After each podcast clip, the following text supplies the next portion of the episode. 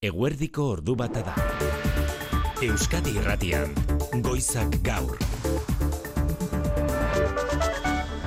Arratsaldeon deizuela guztioi Arabako eta Nafarroako nekazarien bigarren protesta gaur tentsio une gehiagorekin lakoara iristear dira buesarenatik goizean abiatu diren lareunen bat traktoreak, baina aurreikusitako ibilbidearen ordez azken orduan dozenaka traktorek aurrez jakinarazi gabe zentrorako bide hartu dute ertzantzaren esia gaindituta.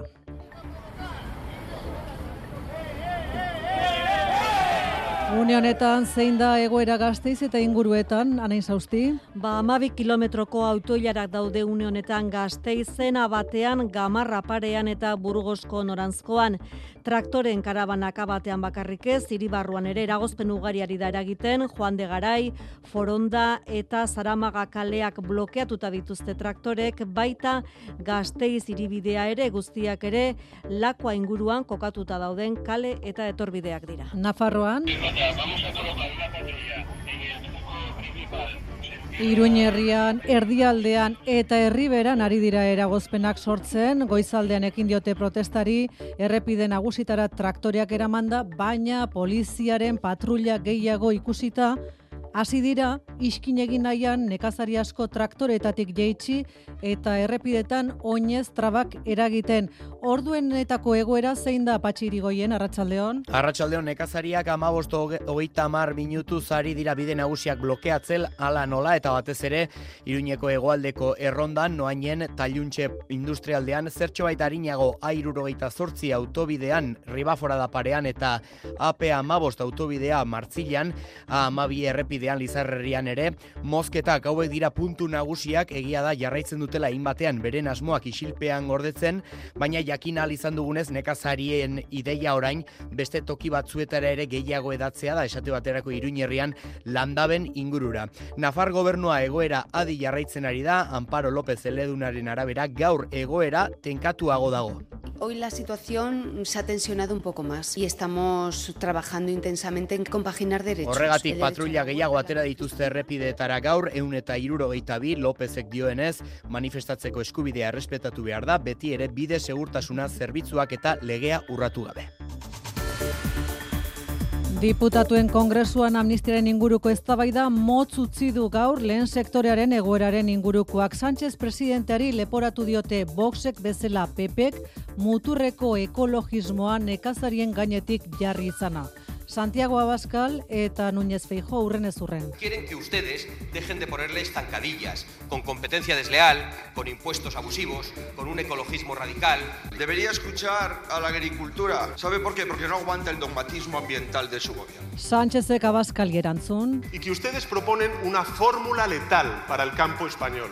Y es una mezcla imposible y letal entre el negacionismo climático y el antieuropeísmo. Eta feijori beste behin eskui muturrak ingurumenarekiko duen politika bere gain egin duela. Eguneko beste lerroburuetan inigo alustiza arratsaldeon. Baita zuri ere maite. Arrasate eta elorrio artean kanpazarko mendatea tunel bidez azpitik igaroko duen errepide trazatu berria aurkeztu dute gaur Gipuzkoako eta Bizkaiko aldundie. Urteak beharko dira, baina debagoiena eta durangaldea lotuko dituen NS irusei errepidearen trazatu berriak gaur egungo biurgune itxienak saiestuko ditu, zortzion da hogeita marmetroko tunela izango du eta erreiak bikoiztuz gaitasun handiko errepide izaera hartuko du Maria Ubarretxena eta Imanol Pradales Gipuzkoako eta Bizkaiko bide azpigitura diputatuak. Erantzuten diona eskakizun historiko bati eta izango dana, ba bere garaian esaten zen e, behasain durango korridore horri amaiera ematea. Herri proiektu bati buruz hitz egiten ari garela eta e, falta zitzaigun giltzarri bat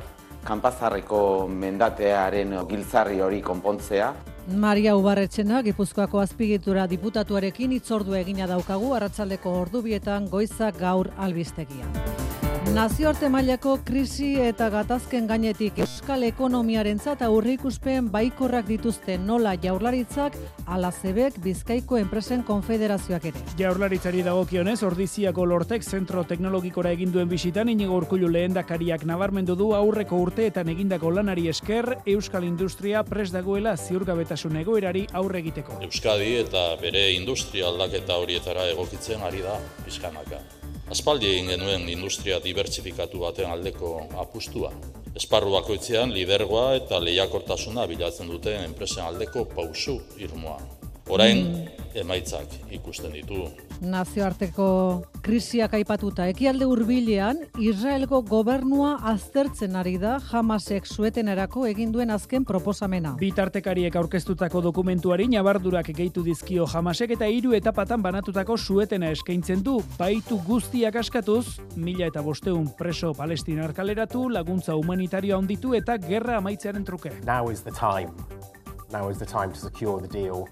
Now is the time to release. Baitu Israeldarren familien iritziz, orain da akordiorako momentua denbora agortzen ari baita. Hitz egingo dizuegu albistegian Bilboko metroko zuzendariak aipatutako gogoetaz gogoeta eskatu du beherapen sistema bidaiari kopuruaren azkundean izaten ari den eraginkortasunari buruz eneko arrue barrena. Aurtengo urtarrieko datuak e, ikusten e, badoguz, zernolako gorakada egin izan dugu, aurtengoa euneko amarrena, nun deskontuak desberdinak izan dira, bueno, bon ikuste dut e, gitxienez erreflexio bat botateko modukoa izan behar da, izan behar dela. Gogo eta gogo eta Bilboko metroak marka gainditu zuen iaz, laurogeita amabi milioitik gora bidaiarirekin. Jaione Munarriz Euskalme eta Arratsaldeon. Kaixo Arratsaldeon. Nola datoz urrengo ordua Jaione? Bueno, ba, gaur ego mendebaldeko aizearekin maksimoak ipar partean, masei eta mezortzi gradu artekoak izango dira, eta maila baixoagoan geldituko dira egualdean, amabos graduren azpitik.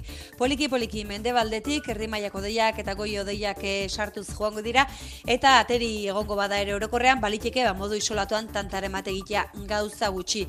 Eta biharko ego mendebaldeko aize zakarra azpimarratuko dugu, bazterrak astinduko baititu aizeleku eta neun kilometro orduko abiadurak gaindituko dute ufadek, batez ere Bizkaia eta Araba mendebaldean eta herri eta hirietan ere oso zakar joko du batez ere Bizkaia eta Araban mendebaldean bereziki. Hori irakurri dugu Carlota eragindako depresio gunea Carlota depresio guneangatik izango dela, ez? Hori da, bai, depresio gune horrek gurean eh, aizete utziko du bihar eta hori dela eta esandakoa aize lekuetan 1 kilometro orduko abiadura gaindituko dute ufadek, batez ere Bizkaia eta Araban mendebaldean zonalde horretan baliteke 110 120 kilometro orduko ufadak ere neurtzea edo hortik orakoak neurtzea eta gainerako lekuetan ere, ba, laro kilometro orduko ufadak izan ditzakegu herri eta hirietan, batez ere, ba, Bilbo handian, karterrietan, eta gero araban, ba, aiaraldean, eta baita ainanako, ba, kuadrillan, beraz, mende baldean joko du batez ere aizeak gogor. Bihar arte jaione. Agur. Jose Maria Paula Zarratxaldeon. Arratsaldeon, maite. Kopako lehen partidan golik ez, Mallorcak utx, Realak utx. Esan daiteke, erabakimen ezak utzi duela partida irabazi ezinik Reala Mallorcan. Bigarren zatian gaina hartu diolako aurkariari, baina estena donostian sartu beharko dio hilaren hogeita zazpian. Gaur Madrilen dugu bigarren final aurreko Atletico Madrid Atletik. Hor lan lasterra eta garbia ezinezko ikusten dira. Gaueko bederatzi territan hasiko da partida hori, eta hemen Euskadi Ratian jarraitu izango duzu, lezaman gainera, erreginaren kopako kanporak eta hauek azken laurdenak dituzte, eta gaurko partidak erabakiko du kanporak eta gaur Atletik Tenerife Realak bihar jokatuko du Valentzian Levanteren kontra. Eta kulturan, artea, zientzia eta teknologia lotzen dituen erakusketa zabaldu dute azkuna zentroan aurtengo erakusketa nabarmenetakoa da manutxe sortu. Kaixo maite, artelana bizi estilo gixera izenburu hori du ingelesez, gaur biloko azkuna zentroan zabaldu duten erakusketa berriak interfazearen artea ditutakoan, aitzindari izandako Krista Somerer eta Logan Miñono artisten lana erakusten du erakusketa honek Fernando Pérez azkuna zentroko zuzendaria da. Krista Somerer eta Logan Miñono artisten lanari ikuspegi orokorra ematen da interfazearen artearen aintzindariak Europa osoan eta esan genezake mundu osoan. The Artwork as a Living System, amazortzi instalazio eta animazioaren bitartez, kasu askotan, dagoeneko arte digitalaren pieza klasikoak. Erakusketa berriak proiektu virtual sentikor eta interaktiboetan erabiltzen diren teknikarik berritzailenak ditu eta erakusketa berria maite zabalik izango da azkuna zentroan maietzaren hogeita zeir arte. Ordu bata eta bederatzi aiora urdangarin eta Xabi Iraola teknikan eta errealizazioa. Euskadi Irratian. Goizak gaur. Maite Artola. Jo dezagun zuzenean lakuara iristear behar dute UAGA sindikatuaren deiari erantzunez, goizean buesarenatik abiatu diren arabako traktoreak gaur ere lareunen bat, Une honetan egoera lasaia da, baina atzo baino tensio une gehiago izan dira oroar, bereziki aurrez iragarritako ibilbidetik atera egin baitira dozenaka traktore, Ainara Rubio Arratsaldeon.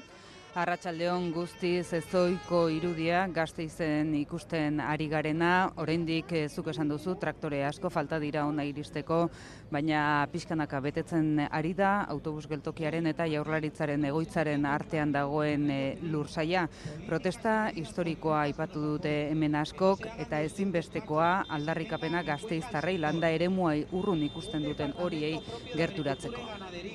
Hiriburura etorri gara pizka bat gizarteak ere ikuste e, gure sektorearen egoera eta gure sektoreak duen garrantzia, ezta? Eguneroko janari baskari gozarietan. Ba, hori da nahi duguna ba, hemen jendeak ikustea, gure eguneroko lanean ba, dauzkagun arazoa ba, ba, saltzea eta hori jendeak ikusi desan aurre ikusitako ibilbidea bat nazionaletik e, pasadan, nekazari batzuk zentro aldera jotzea erabaki dute, ertzaintzaren debekuak debeku, bizpairu identifikatu izan dira. Elmuga edozein kasutan, hau dute, jaurlaritzaren egoitza, administrazioari eskari argia egiteko.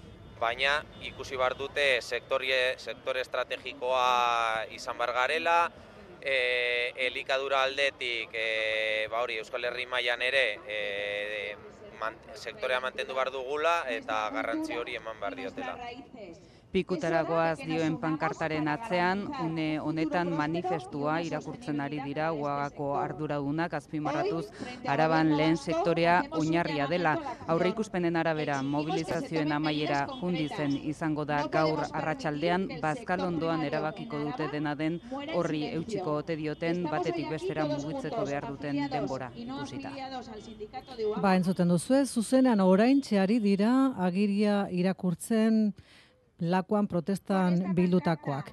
Bizkaian, etziko deitu dute mobilizazioa N eta Enba sindikatuek. Goizean goizetik hiru zutabetan aterako dira, berrogeita marretik gora traktore, etzi esan bezala, zutabe bat durangaldetik eta alea artibaitik, busturialdetik eta txorierritik bigarrena eta karrantzatik eta enkarterritik bestea, amarrak aldera, guztiak eh, bilbon bilduko dira, samamesen eta iriko erdiguneraino eramango dituzte protestak. Herritarri protesta horietara batzeko deia egin diete, zera eskatzeko, merkatari jaurlaritzaskeko negoziazioak eteteko, zelanda berriarekin adibidez, baserritarrentzako prezio duinak bermatzeko eta gehiagizko burokraziak simplifikatzeko unzalu salterain eneren bozera maila. Horrek hiru ardatzok e, planteatzen ditugu guk aldarrikapen zentral moduan, uste dugulako e, bereziki ba, merkatuen eragiten duela, nagusiki, lagunduko luketelako bai, e, prezio duin batzuk e, e, errazten e, baserritarrentzako, eta zentzu honetan baita ere konsumitzaileentzako, zeren merkatua regulatzen baldin badugu, ba, gaur eguneko egoera ba, aldatuko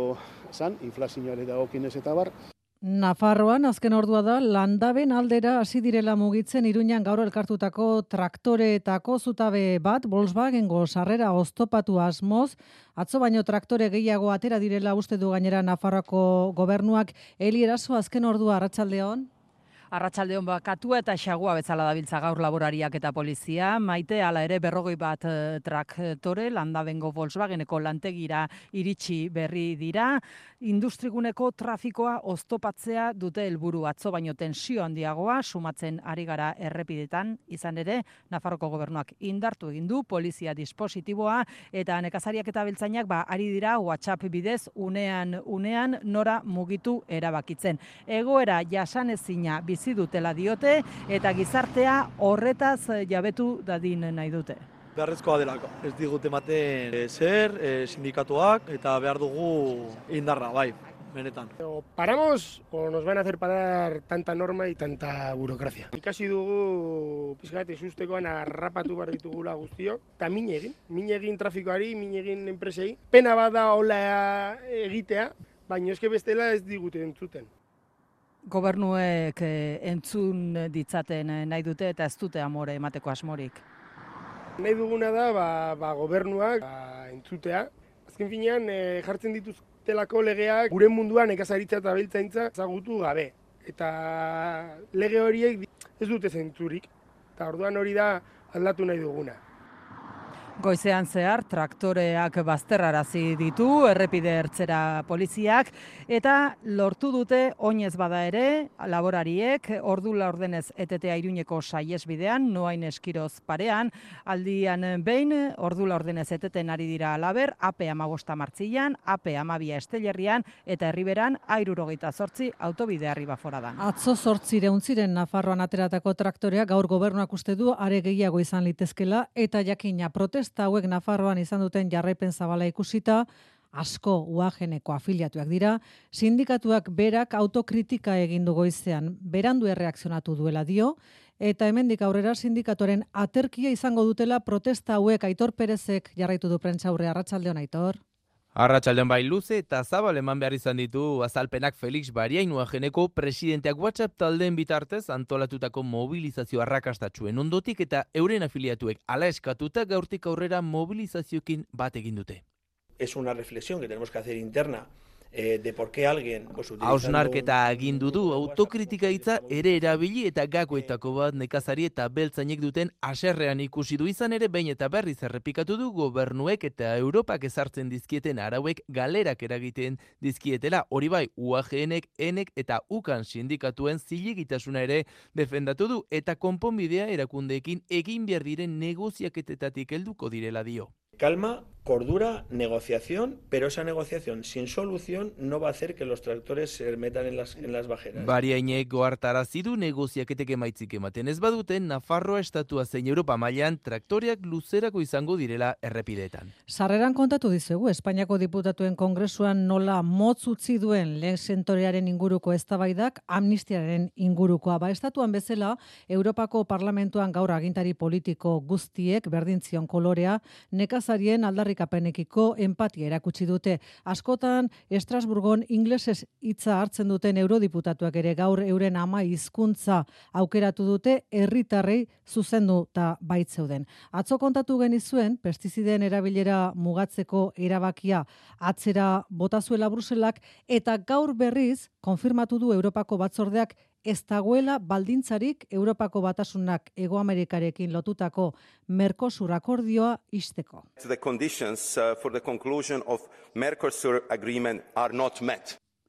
Marcos Sefcovic, Europar batzordeko presidentea ordea da entzun duguna, baina Frantziako presidenteak Emmanuel Macronek behin baino gehiagotan adierazi du azken asteotan, gauzak daudenean Frantziak ezin duela akordi hori onartu. Europar batzordeko iturriek jakinerazi dute elkarrezketek aurrera jarraitzen dutela non nahi ere Europar batasunaren eta Mercosurren artean gogora dezagun Brasil, Argentina, Paraguay, Uruguay eta Bolivia biltzen dituela Mercosur bloke ekonomikoak. Ordu bata eta mazazpi minutu dira debagoiena eta durangaldea gaitasuna handiko errepide bidez lotzeko egitasmoa abian jarri dute Gipuzkoako eta Bizkaiko aldundiek. Zehatzago, arrasateko epele auzoa eta elorrio lotuko dituen trazatu berriaren egitasmoa aurkeztu dute kanpazarrazpitik igaroko den ia kilometro bateko tunela ere aurre ikusten duena. Lege osoa beharko da proiektu hau idatzi eta baimenak lortzeko, baina eskualde horientzat eta goierriren mugikortasunarentzat mugarri izango den ekimena dela edo urratsa aipatu dute igotzalkorta. Gipuzkoa barnealdeko mugikortasunean jada eragina baria izan du A6 irusei behasain eta bergara lotzen dituen autobideak eta durango eta elorrio ere gaitasun handiko bide batek lotzen ditu egun. Tarte ba falta zen ordea eta horretarako zeuden aukeretatik trazatu edo egitasmo bat definitu dute bi aldundiek. Arrasateko epelen abatarekin lotura egiten duen gunean hasi eta elorrion amaituko da aurkeztu duten egitasmoa. Egungo bidea oinarri trazatu berria izango du bi gehi bat erreieko bide bat eta biurguneri gabea esan dutenez. Berritasun handiena dena den kanpazar mendate azpitik igaroko duen tunela izango da Imanol Pradales Bizkaiko bide azpiegitura diputatua. Tunel bat kontemplatzen da. Sortzireun dagoita mar metroko luzerako tunel bat. Odi bakar batekin, baina tunel e, berria. Eta horrek ekarriko du erosotasuna, horrek ekarriko du segurtasun handiagoa, horrek ekarriko du azkartasun handiagoa. Ez da ordea egun batetik bestera egingo, 6 milioi euroko hitzarmena sinatu dute Gipuzkoako eta Bizkaiko bide azpegitura diputatuek proiektua idatzi eta beharreko baimena lortzeko berrogeita bi hilabeteko epea aurreikusiz gutxi gora bera aldundien egungo legealdia amaitu arte. Datorren legealdian egingo lirateke beraz obrak eta errepidea egina dagoenean eskualde horietan mugarri bat ezarriko duela dio Maria Ubarretxena Gipuzkoako bide azpegitura diputatuak. Deba goigina deba barrena, gaur egun AP bat gabe inork ezin dugu irudikatu. Nolako onurak ekarri ditun AP batak debagoienari eta debabarrenari. Bau izango da baita ere, debagoienarentzat, goiererentzako eta durangaldeareko proiektu oso ilusionagarri bat. Datu batzuk mai gainean jartzeagatik eta estimazioak dira, baina debagoienatik bilbora ba, berrogei minututan jarri gaitezke, edo loiuko aireportura, edo goierritik e, bilbora berrogeita mar minututan. Beasain eta Durango gaitasun handiko bideen bidez lotzeko aspaldiko naia gertuago dagoela diote bi aldundiek. Legebiltzarrean berriz, gotzonez zagardu osasun zailburuak argi utzi du tolosaldean ospitale publikoa ere ikitzeko jaularitzak duen borondatea, bertan eman dituzte ospitale berriak jasoko lituzken zerbitzuen argibideak, baina harrituta mintzatu da zagardu zailburua tolosaldeko alkateek aste honetan bertan egindako planteamentua مشاركين ospitale berriaren ordez, Asunción Klinika publifikatzeko aukera ere mai gainean jarri dutelako. Asunaro zen Arratsaldeon. Arratsaldeon Gotzone Sagordi Osasun Sailburuak azaldu duenez, aukera guztiak aztertu ondoren hartu zen Tolosaldean ospitale berria eraikitzeko erabakia eta Tolosako udalak aukera desberdinak eskaini ondoren Osasun Saileko teknikarien irizpideak jarraituz aukeratu da horretarako gunea. Ez du lertzen Osasun Sailburuak zertara datorren Tolosaldean tolosaldeko alkateen jarrera aldaketa. Ez dut ulertzen ondo, benetan. Ez dut ulertzen ondo, politikatik at ataratzea eskatzen badugu, orain badaukagula hemen, hospital publiko baten proiektu zehatza, sartu dezagula politika. Hospital publikoa nahi dugu, edo ez dugu nahi. Ze beste aukera horiek egon dirania mai gainean, ez ez. Eta orain, Zer? Ibai iriarte EH Bilduren legebiltzarkideak hain zuzen eskatu du alkaten mugimendua entzuteko, alegia ospitale berria egin nahi den jurramendin, nazional baten irteeran eta ondoan suhiltzaileen parkea, ikastola eta erabiltzaile handiko polikiroldegia daudela, eta aztertu daitekela beraz, asunzion klinika publifikatzeko aukera. Uste dugu egiten dituzten eskaerak zilegiak izatetik arago e, zentzua dutela, eta uste dugu batez ere, gai hau agenda politikotik atera eta e, elkarlanerako bidea irikitzeko alkaten mugimendua aukera bat dala. Hospitale berria egiteko hori bai, bertako udalak lurzorua ematea falta da proiektuarekin aurrera egiteko. Legebiltzarretik atera gabe, zibererasoa jasandu legebiltzararen webguneak eta baita Nafarroako parlamentuarenak ere Errusiako hacker talde batek hartu du bere gainerasoa antzadenez, erakunde biak Errusiak Ukrainan egindako inbasioarekin kritiko azaldu izanagatik jakeak ditu webgune hoiek jokin aierre garai. No name 0 berrogeita mazazpi amasei Errusiaren aldeko hacker taldeak hartu du bere gain erasoa.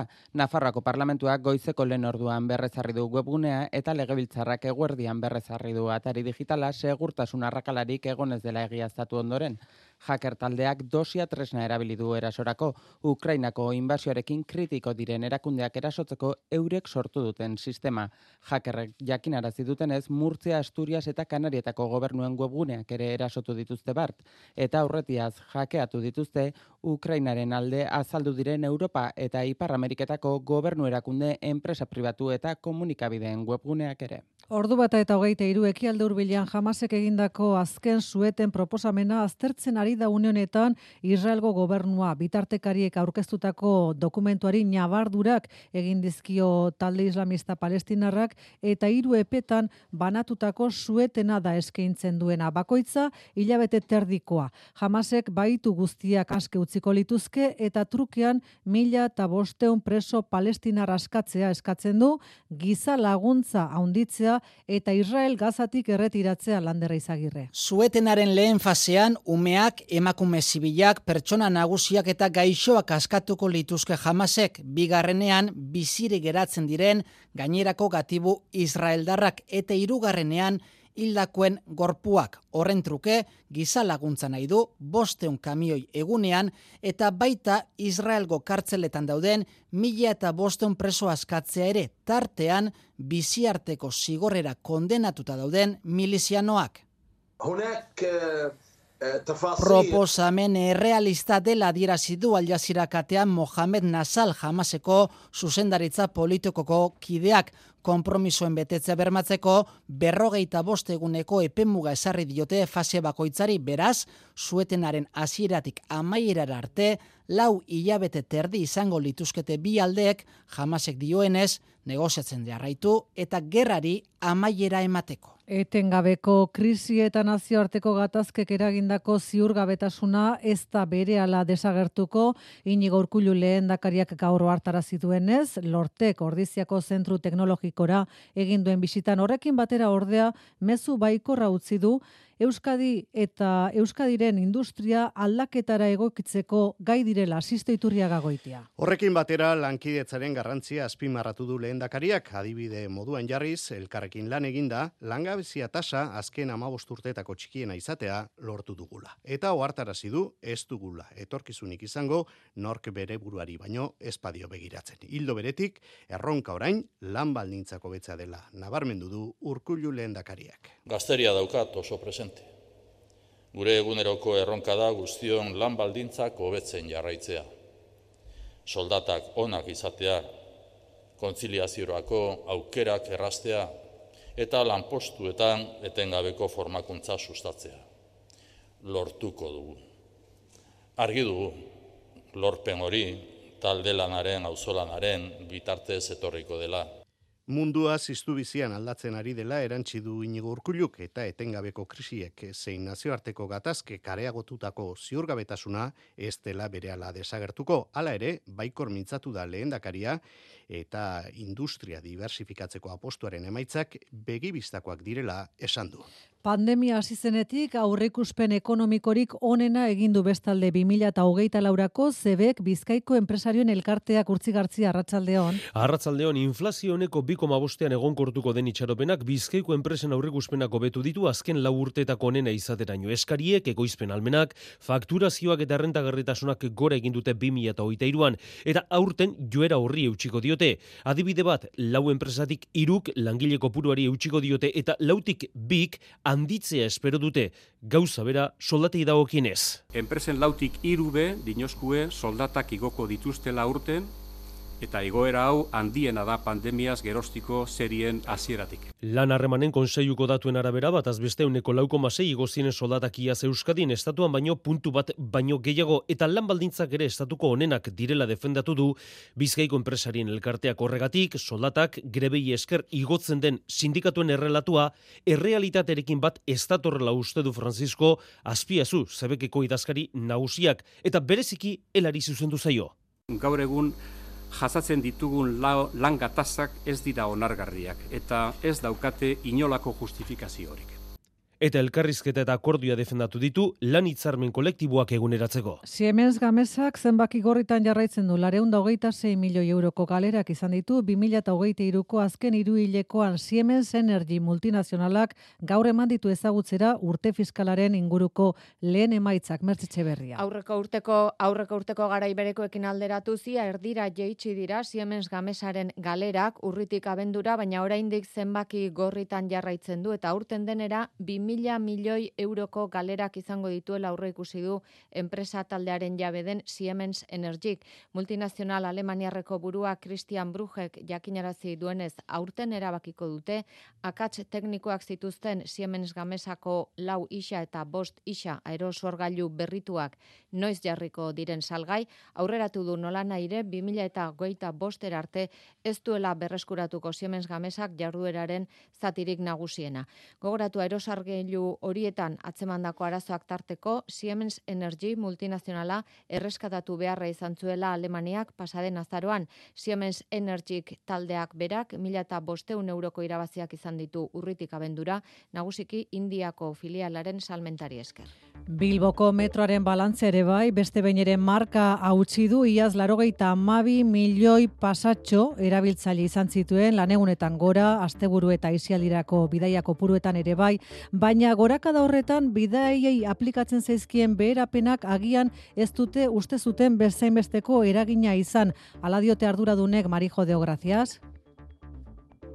Bai, Arratsaldeon eta hain justu horregatik datuek arrunarketarako balio beharko luketela dio Metro Bilobren zuzendari eneko arruerra barrenak, inflaziori aurre egiteko neurri eraginkorra badela deskontuena, baina erabiltzaile kopuru handitzeko orduan eragina mugatua dela eta iazko eta urtengo urtarriak alderatu ditu. Baina egia da, aurtengo urtarrieko datuak e, ikusten e, baduguz, zernolako gorakada egin izan dugu, aurtengoa euneko amarrena, nun deskontuak desberdinak izan dira, bueno, nik uste dut e, gitxienez erreflexio bat botateko modukoa izan behar da, izan behar dela zenbaki absolutuetan bidaia erdira merkatzeagatik ia 6 milioi bidaia gehiago egin ziren, guztira larogeita amabikoma iru milioi izan ziren, ala iazkoa berriro ere inozko bidaia kopururik handiena izan den urtea da, pandemia aurreko urterik onenean 2008an baino ia milioi bat gehiago. Garraio publikoan dabilen bi herritarretatik batek erabiltzen du metroa bizkaian, ordainketak kreditrans bidez egiten du amarretik seik, eta noiz erabilida batez ere, ba, neguko lanegunetan, ia irureun mila bidaiari eta igoera batez ere ordu bietatik iruretarako tartean.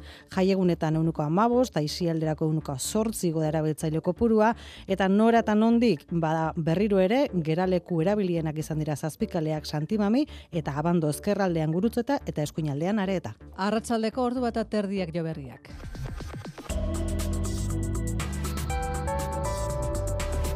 Euskadi irratian eguraldia eta trafikoa. Trafikotik hasita Luis Eron. Bos kilometroko ibilgailu jarak dira uneotan, gaztaiz inguruko bat autobidean burgozerako noranzkoan traktoren karabanak eraginda, hiri barruan ere eragozpenak sortzen ari dira tarteka. Eta hausia urrengo orduetarako eguraldiaren pronostikoa. Ego mendebaldeko aizearekin eh, gaur maksimoak eh, kantauri xurialdean amasei eta mezortzi gradu artekoak izango dira eta maila basuagoan geldituko dira egoaldean. Erdi mailako deiak eta goi odeiak ugarituz joango dira eta orokorrean ateri egongo bada ere baliteke modu isolatuan tantaren bate egitea gauza gutxi. Eta bihar ego mendebaldeko aizea oso zakarri biliko da bazterrak eh, astinduko ditu. Aizeleko eta neun kilometro orduko abiadura gaindituko dute ufadek batez ere bizkaia eta araba mendebaldean eta herri eta hirietan oso zakar joko du bereziki mendebaldean, hau da Araba eta Bizkaia aldean.